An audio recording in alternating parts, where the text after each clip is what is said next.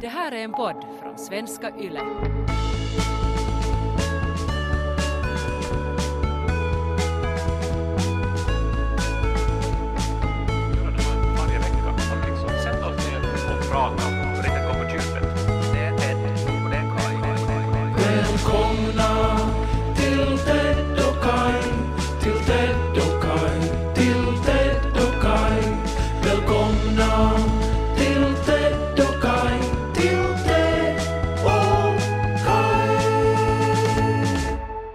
Johan Stolpe är det ju som har gjort den här versionen av Ove Inborgs titelmelodi till vår podd. Hej Ted!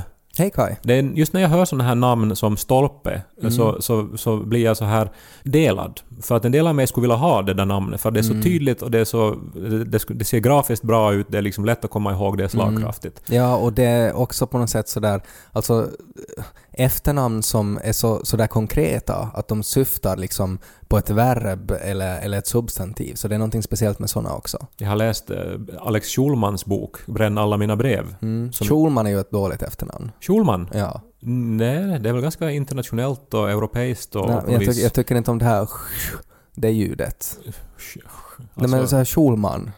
Plus att, att jag på något sätt också börjar tänka på eh, Robert Gustafssons karaktär Kapten Klänning när jag hör det. För jag tänker kjolman. Alltså att han har en kjol. Alltså som en sorts kilt.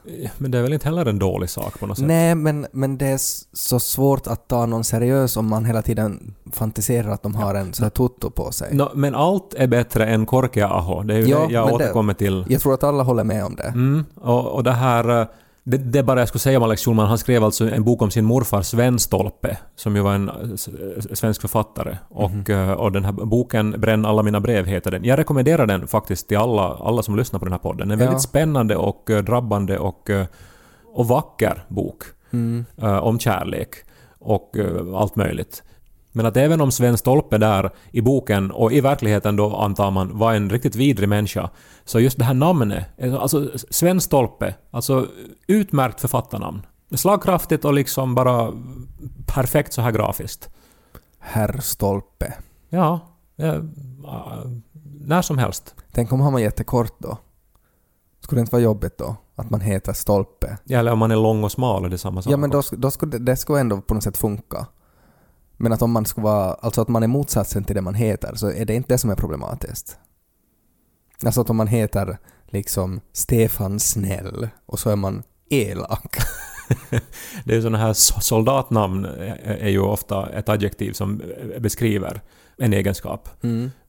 Om någon heter liksom tapper eller frimodig så då får Mm. man anta att man har soldater i sin släkt. Mm. Men de valdes ju då säkert i tiden då för att ge en korrekt beskrivning. Men deras efterkommande är ju möjligtvis inte alls frimodiga Nej. eller tappra och eller sen- vackra. Och tror inte du heller att, att i något skede så fick man ju nog kanske också bestämma lite själv vad man hette? Och nog tog man ju då de där namnen. Jag vet en... För man skulle också tänka att det är de lömskaste människorna som väljer liksom de vackraste namnen. Jag känner en, eller jag, jag kände en, som alltså bytte namn, eh, s- sitt efternamn till Snygg. Och nu tänker jag inte alls uttala mig om huruvida den här beskrivningen är riktig eller inte. Mm. Men, nog- att det kräver ju nog eh, ändå en, en sorts personlighet. Ja, och jag har ju nog en massa fördomar mot en sån person och på något sätt spontant upplever att jag skulle nog ha svårt att komma överens med den personligheten som behövs för att byta efternamn till snygg. Och på något sätt går emot, tror jag, också det mesta jag står för. alltså eh, självförtroende och... Ja, men ja, alltså sådär att, att jag också blir provocerad av att någon ska ha ett så sunt självförtroende att man ska ens få den där idén och sen faktiskt genomföra den och sen vara nöjd med det beslutet. Jag tänker att det måste ju vara någon som har blivit uppfostrad att, att ja men du är nog bäst. Du lilla Pernilla, allt vad du gör är liksom bäst. Den här Mm. teckningen, det är den finaste jag har sett. Mm. Och du kan få vad som helst i livet. Mm. Du är nog den snyggaste som finns. Och så byter hon namn till Pernilla Snygg. Mm. Obs att namnet nu då är fingerat här då, förnamnet. Stavades det så var det liksom ett snygg GH eller något sånt här? Nej, snygg, Bara snygg. snygg, snygg. Jag tycker ju ändå bästa exemplet på ett så här efternamn som man har hittat på själv så är ju Emma Knyckare. Alltså som, eh, som då tog efternamnet Knyckare för att hon liksom knyckte det. Och att det blir på något sätt meta, så att det blir roligt. Ja, det är ett bra namn. Jag antar att hon in- inspirerades av Peter Stormare, som ju också är ett taget namn. Men var det inte någon sån här grej med det att, att det var liksom två i hans årskurs som hette samma sak eller någonting? Alltså han hette Storm, men han bytte till Stormare och det Mm. blev ju, gör ju namnet 3000 gånger bättre och Mm. häftigare. Mm. Lars F- von Trier la ju till ett von också. Mm. Han hette ju Lars Trier. Ted von Forströmmare. Nu låter det ju bättre det. Kai von Korkea Ahoare. Det Det fanns ett värre efternamn. Buen purmu puut vuossar botling, som talar sitt så popna popcorn, så börjar vi popnu denna popcorn, så börjar vi lys på Ted och Kai. Den 7 juli 2019, vet du vad som hände då? Mm, det var alltså förra sommaren jag var säkert nervös inför bröllopet. Det var Mm. ett par veckor före vi gifte oss. Mm, och jag var säkert nervös inför bröllopstalet som jag ska skriva åt er. Men en annan sak som hände då var att vi fick e-post av en, eh, en person som heter Vivian. Jaha. som vi inte svarar på. Eh, och vi brukar ju säga i den här podden att vi svarar på all e-post, men av någon anledning då så svarar vi inte på det här. Jobbar hon på Skatteverket? Eh, nej, jag, tror inte.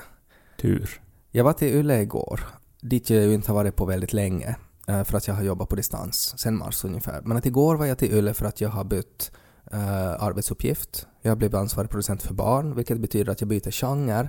Och i praktiken betyder det här att jag var tvungen att flytta min Star Wars Empire Strikes Back kaffemugg från extremredaktionen till barnredaktionen. Där den hör hemma kan man väl skjuta in här.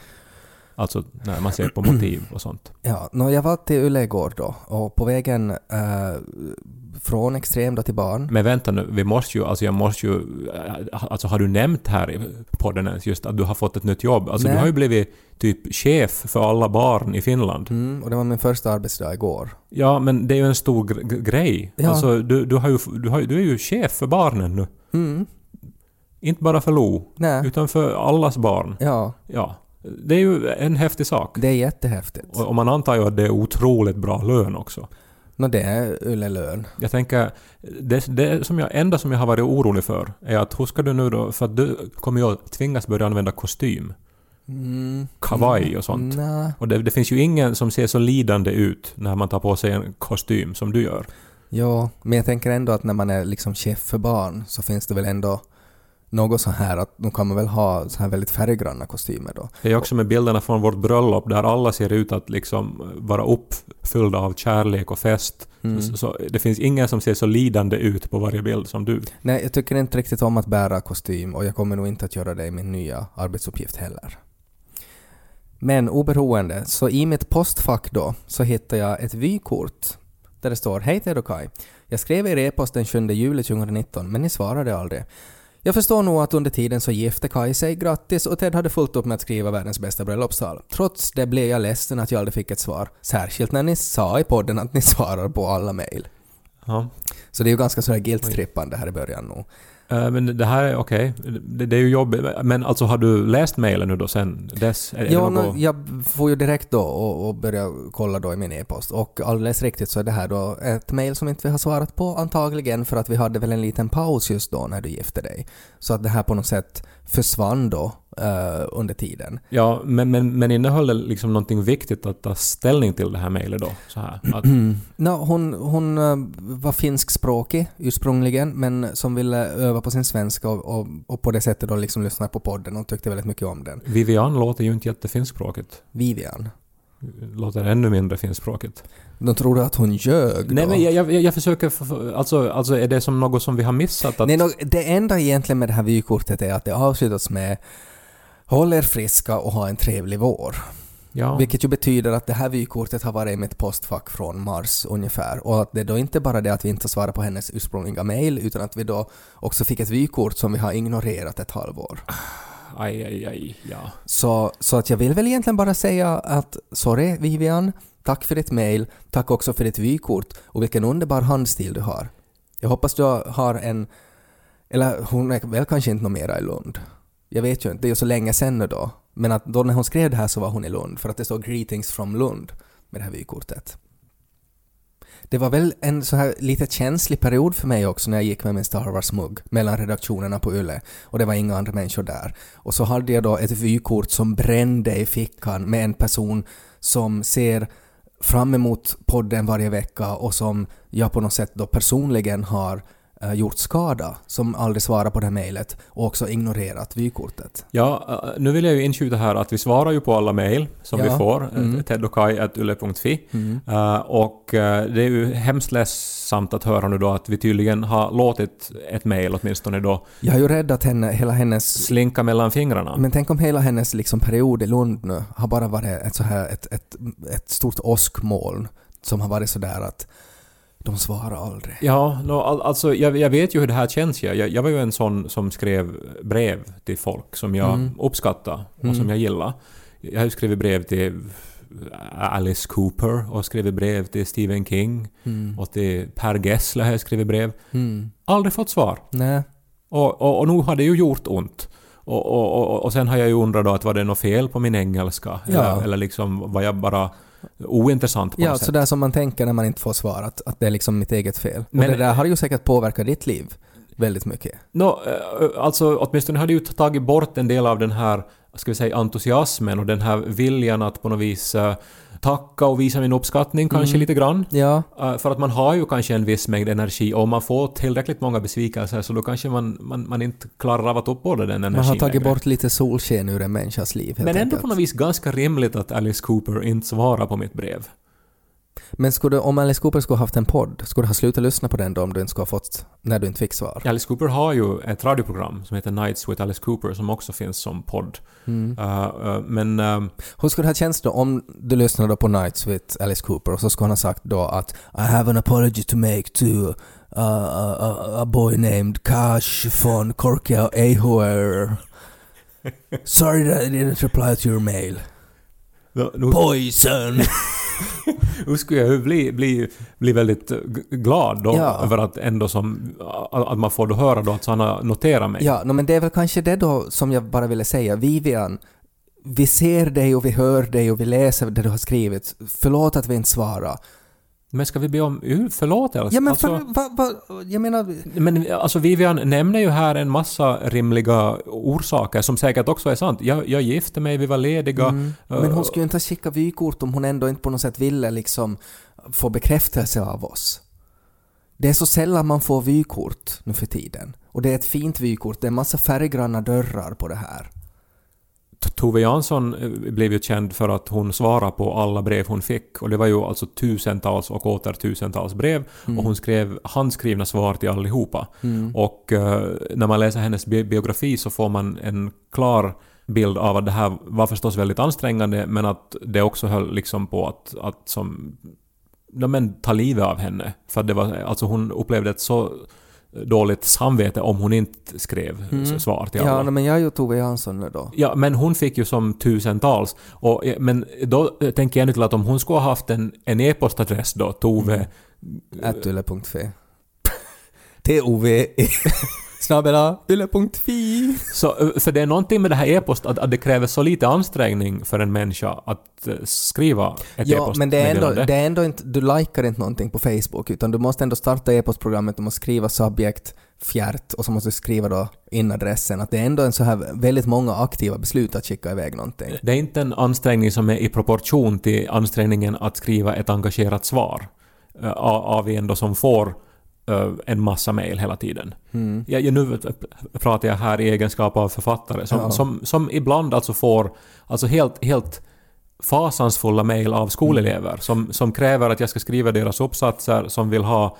Alltså det kan vara listor med hundra frågor. Jaha, men, så, men egentligen nu, alltså så, du tycker då att, att, eh, att vi borde också ha ignorerat det här vykortet? Nej men eh, nej, jag tycker att Eller hon kan ann- inte förvänta sig att vi ska ta ställning till Jag det här. tycker det är en annan sak nu när vi har fått ett fysiskt vykort. Ja. För nu visar ju det här verkligen på, på en engagerad och liksom hängiven eh, lyssnare som jag, jag tycker att förtjänar vår uppmärksamhet. Ja. Men, men jag tycker också att det här är ett, en intressant fråga. Att ska man då som offentlig person vara tillgänglig? Ska man liksom ge av sin eh, vardag och sin fritid till liksom alla som vill det? Mm. Och det här har ju sociala medier verkligen gjort uh, aktuell. Ja, det, jag håller med om att det är en vettig fråga. Och för så ska man ju inte vara tillgänglig alltid. Att, att någonstans drar man gränsen och sådär. Jag vill väl bara vara bättre än Alice Cooper. Har du någonsin skrivit brev till någon som du har beundrat? Nej, jag tror inte det. Jag har väl, alltså det närmsta jag kommer sådär att skriva brev och få svara någonting är väl kanske eh, för att jag var väldigt förtjust i ett datorprogram som hette Click and Play som var ett program som man kunde göra spel Som med. skrev brev till kodaren bakom Click and Nej, Play? men det där hade jag då på CD och sen i något skede så satte sig min bror på den här CD-skivan så att den gick sönder och sprack.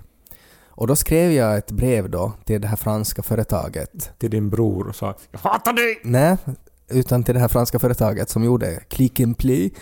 Eh, och så satte jag kärvorna av den här CDn in i kuvertet och så skrev jag ett, ett brev där that my stupid brother sat and destroyed this program. Och så här tårdrypande. Och sen fick jag svar av dem att, att, att, eh, att det var ju sorgligt att det gick så här. Här får du nya Click and Play som vi har gjort. Och så fick jag det då liksom helt gratis. Och, och det var ju en otrolig känsla. Det är ju en vacker historia. Ja. Ja. Var det sant det här då att din bror hade satt sig på skivan? Eller Ja. var det här ditt sluga, giriga sätt att få gratis software Ja, nej, innan Pirate Bay? Ja, nej, så var det ju inte. Ehm, Det var ju en, en svårt dilemma att vems fel det var för att jag hade ju tagit ut den där CDn och lämnade på en skrivbordskant. Och sen satte han och lutade sig mot den här skrivbordskanten så den sprack. Och man ska ju kanske inte luta sig mot skrivbordskanten men inte ska ju heller CD-skivor vara han, så här ligga på en, en kant bara. Men att det betydde jättemycket för mig att det här franska företaget liksom svarade på det där och skickade ett nytt och att det på något sätt ändrar hela min inställning till Frankrike som att det är ju ett toppenland det där. Att, jag menar de har ju ett dåligt rykte och sådär att de är arroganta och sådär men inte, inte liksom enligt mig att de är ju väldigt schyssta.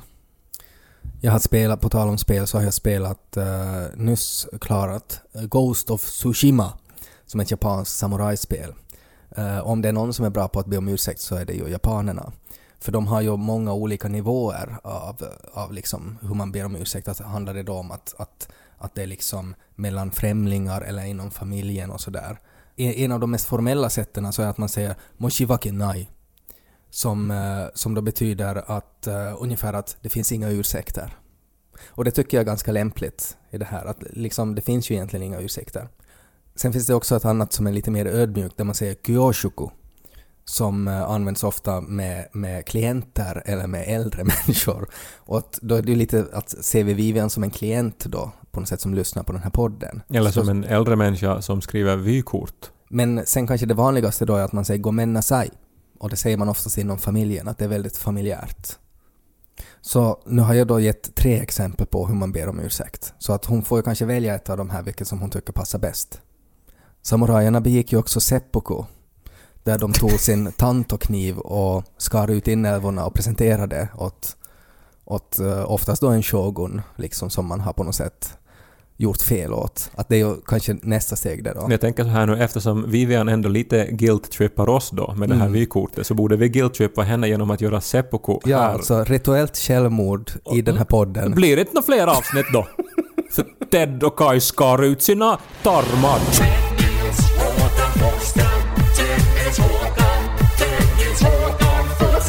Kan inte släppa det här nu Ted, att du verkligen borde ju börja klä dig som en chef eftersom du är chef. Varför det? För att det är en del av det ritualistiska. Vi pratade förra veckan om biskopskläder och du sa att Mm. biskopar klär sig som trollkarlar. Ja. Och det finns ju en orsak till att man, att man klär sig upp för en roll. För att allt handlar ju om hur man uppfattas och vad man signalerar. Men kommer inte ledarskap inifrån? Inte bara för att man sätter på sig någon sorts uniform så betyder det ju inte att man automatiskt blir en bättre ledare. Man signa, alltså, nu handlar det ju om att signalera att man har ordning på torpet, att man så att säga har kontroll över situationen. Och det är ju det man man har inte- om man att- har en välsittande kostym. Vi var så på Tenet, jag och Mm. Nico, alltså Christopher Nolans nya film. Mm. Vi, vi kan tyvärr inte prata om det för du har inte sett den. Nej. Eh, Men eh, halva den budgeten till den filmen måste ju ha gått åt till att stryka kostymerna. För aldrig har man ju sett så välklädda män. Det här har alltså att göra med att du tidigare idag när du kom hit kommenterade att jag såg ut som Skrotnisse. Ja. Eller du ser ju i allmänhet ut som skrotnisse. Ja, nå, ja, helt ärligt så måste jag erkänna att det kändes konstigt att ha på sig jeans igår när jag for fysiskt till Yle. Det var länge sedan jag haft jeans. Ja, men eh, vad har du haft på dig då? Alltså, jag tänker men- jeans är ju också det mest bekväma plagget. Nej men då, det är ju inte egentligen det. Jeans kommer ju ursprungligen från cowboys. Eh, Och att de ska vara väldigt stryktåliga när man håller på med rodeo och sånt. ja, det- och väldigt smidiga att röra sig i. Ja, och jag menar, jag kan alltid uppskatta det, eh, liksom cowboy-stilen. Men att nu när det har varit distansmöten, som har varit liksom mitt liv de senaste månaderna, så det har varit ganska mycket shorts, mjukisbyxor, boxers, beroende på mötet, var man har riktat kameran och sådär. Att det har inte nödvändigtvis varit jeans varje dag. Men eh, menar du på något sätt att, att jag inte liksom att det, att det blir någon så här förtroendekris? Alltså att om jag inte ser mer ut som en chef? Att om jag ser ut som skrotnisse när jag pratar med barnredaktionen så blir det på något sätt fel. Nå, det finns ju den här chefen som liksom klär sig i, i New Balance-skor och polotröja och jeans också, Mm. fast man är chef då för ett av världens största företag. Jag pratar om Steve Jobs. Mm. Eh, Men ändå känns det som lite grann att man då, då i så fall måste ha det här att ja, jag är chef för världens största företag. Mm. Att annars så, så krävs det nog, alltså du måste ju nog ha en blazer åtminstone och, och, och, och en skjorta liksom. Det sägs ju att man ska ju inte klä sig som det jobb man har utan man ska klä sig som det jobb man vill ha. Så du vill vara skrotnisse då? Jag tycker att Skrotnisse hade det ganska chill. Ja. Alltså att han hade ju, det var ett familjeföretag, han höll ju egentligen på med precis vad han ville. Om jag ska vara helt ärlig så tyckte jag att han hade ganska skön stil också. Alltså det här liksom Inspired by Skrotnisse är nog en kollektion jag skulle kunna understryka. Alltså det är ju egentligen gubben Petson och Skrotnisse som är mina stilikoner. Och om jag ska vara helt ärlig så tycker jag också att det passar ganska bra in på barnredaktionen. Att det är så här karaktärer som alla är bekanta med. Säkert om det är något så här viktigare möte så kan jag dra upp det till Karlsson på taket med liksom hängslen och skjorta. Propeller på ryggen. Emils pappa, också ganska bra stilikon. Kolerisk gubbe med sån här liksom Hitler-mustasch. Okej, men det är kanske inte den bästa chefslucken ändå. Hans ledarskap var ju inte heller det bästa. Om man tänker sådär att, att liksom hota och slå barn. Men han såg snärtig ut i vit skjorta och svart väst åtminstone. Helsingfors stad har ju lanserat sin Pride Attire nu. De har Jaha. gjort ett eh, munskydd som är regnbågsfärgat. Mhm. Som, är, som är stadens alltså officiella sån här Pride-produkt. Jag Okej. tycker det är bara, liksom älskar stan bara för det. Det är ju Mm. Helsingfors Pride den här veckan. Ja. Men eh, finns det inte någon risk vad det signalerar då? Nu kommer det homon så jag måste skydda munnen. Mm, Säkert så vet man att det är pandemi på gång nu. Ja, Skydda munnen. För att det annars så, så slinker de in i munnen på mig. Jag vet inte. Det kan signalera många Du olika luktar saker. homo. Nej men sådär att man, att, att liksom, ja, jag vet inte. Jag tror det finns risk för missförstånd. Men det blir väl ingen fysisk parad i år? Nej, det är alltså ordnat virtuellt. Ja. Så att eh, det kommer att... Via Prides hemsida så, så kan man se på streamar som, eh, från olika människor som festar på stan och människor som festar hemma och så här. Och de uppmanar människor att klä ut sig som vanligt och gå ut på stan men med avstånd. Så här, vara ett mindre sällskap. Ja, men för tänk vilket otroligt långt eh, tåg det skulle bli om, om man skulle liksom ha då en, en parad men alla ska hålla säkerhetsavstånd. Det skulle vara helt omöjligt det. Ja, och så mycket av det här handlar ju om att man ska vara nära varandra och kramas och, och fira och kyssas och så vidare. Så att Mm. eh, jag tänker att eh, det är ju inte kanske riktigt corona-kompatibelt. Nej, Hur skulle du klä dig om du skulle gå på Pride då? Skulle du, skulle du, jag menar, kanske som Flintstones. Färggrant, inga byxor. men man klär alltså Pride handlar ju inte om att klä ut sig till någon Nej men handlar det inte om att man ska vara loud and proud och precis som man är? Och då skulle jag väl måste vara då utan jeans. Ja, no, alltså om du upplever att det är liksom nära din identitet och nära ditt hjärta. Att, Kalle Anka har ju inte byxor överhuvudtaget. Inte Mumintrollet heller. Nej men han är ju helt naken och jag menar, det får man väl inte vara på en Pride-parad? Det beror på vilken stad du befinner dig i. Finns det städer där man är helt naken? Det finns alla möjliga städer i världen, men att eh, nu, nu är det ju ett familjeevenemang så förstås ska man väl inte gå och flasha sig. Nå, kanske som en lite festligare skrotnisse då. Jag tänkte just att, alltså det, nu kommer jag på det, He-Man förstås. ja så du, du kombinerar då ditt intresse för, för, för seriefigurer Mm. med eh, Barnkaraktärer. Ja, är, är det inte liksom den perfekta blandningen? Han är ju ganska sådär Tom of Finland. Ja, men du är ännu inne i det här att det handlar om att klä ut sig. Alltså, det handlar ju om att, Pälsboxers, om att rustning, sitt innersta. som, som inte skulle stoppa ett enda slag, och sen ett svärd. Och en pagefrisyr. By the power of Grayskull, I have the pride! Han skriker annars power, men så byter jag ut det mot pride. Ofta handlar det väl bara om att klä sig färggrant, för det är väl det man vill att liksom, det ska vara hundratusen människor som alla bara sprudlar av färger. Mm. Det är någonting positivt med det. Har du andra kläder än den där t-skjortan? Alltså jag har ju tio likadana. Att när jag hittar en bra t-shirt så köper jag många på en gång. Men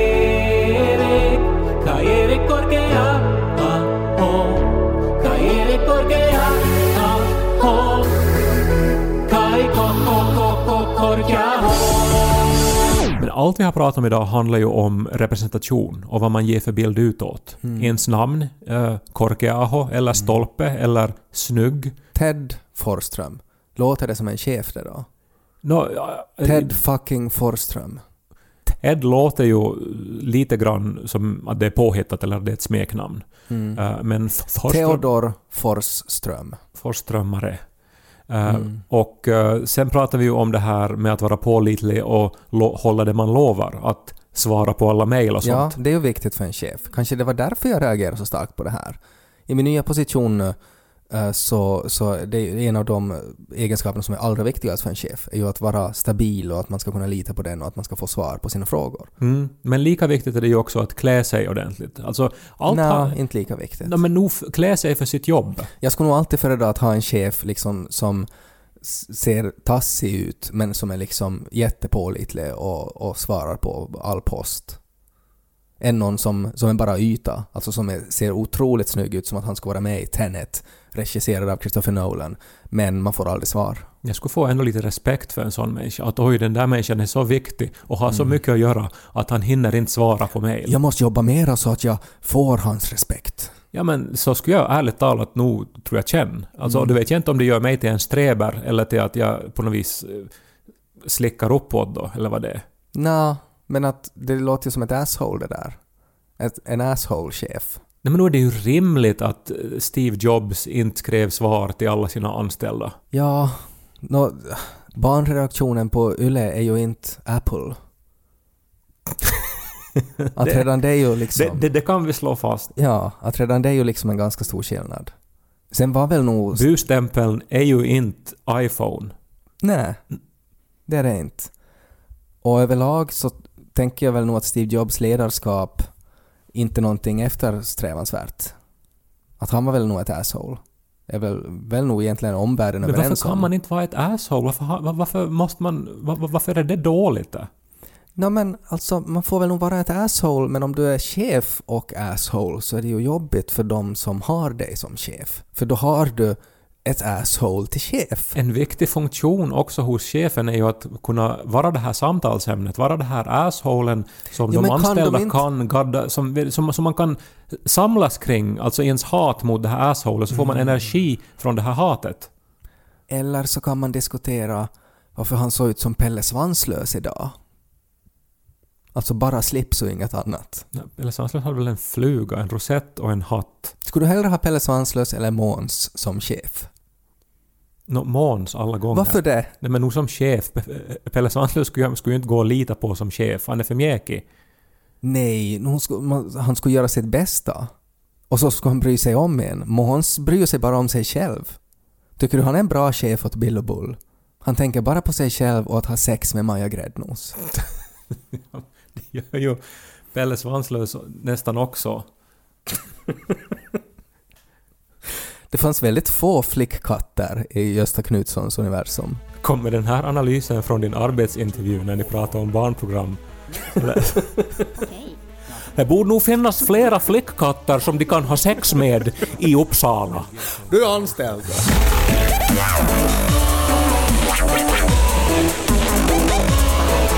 Mel Gibson.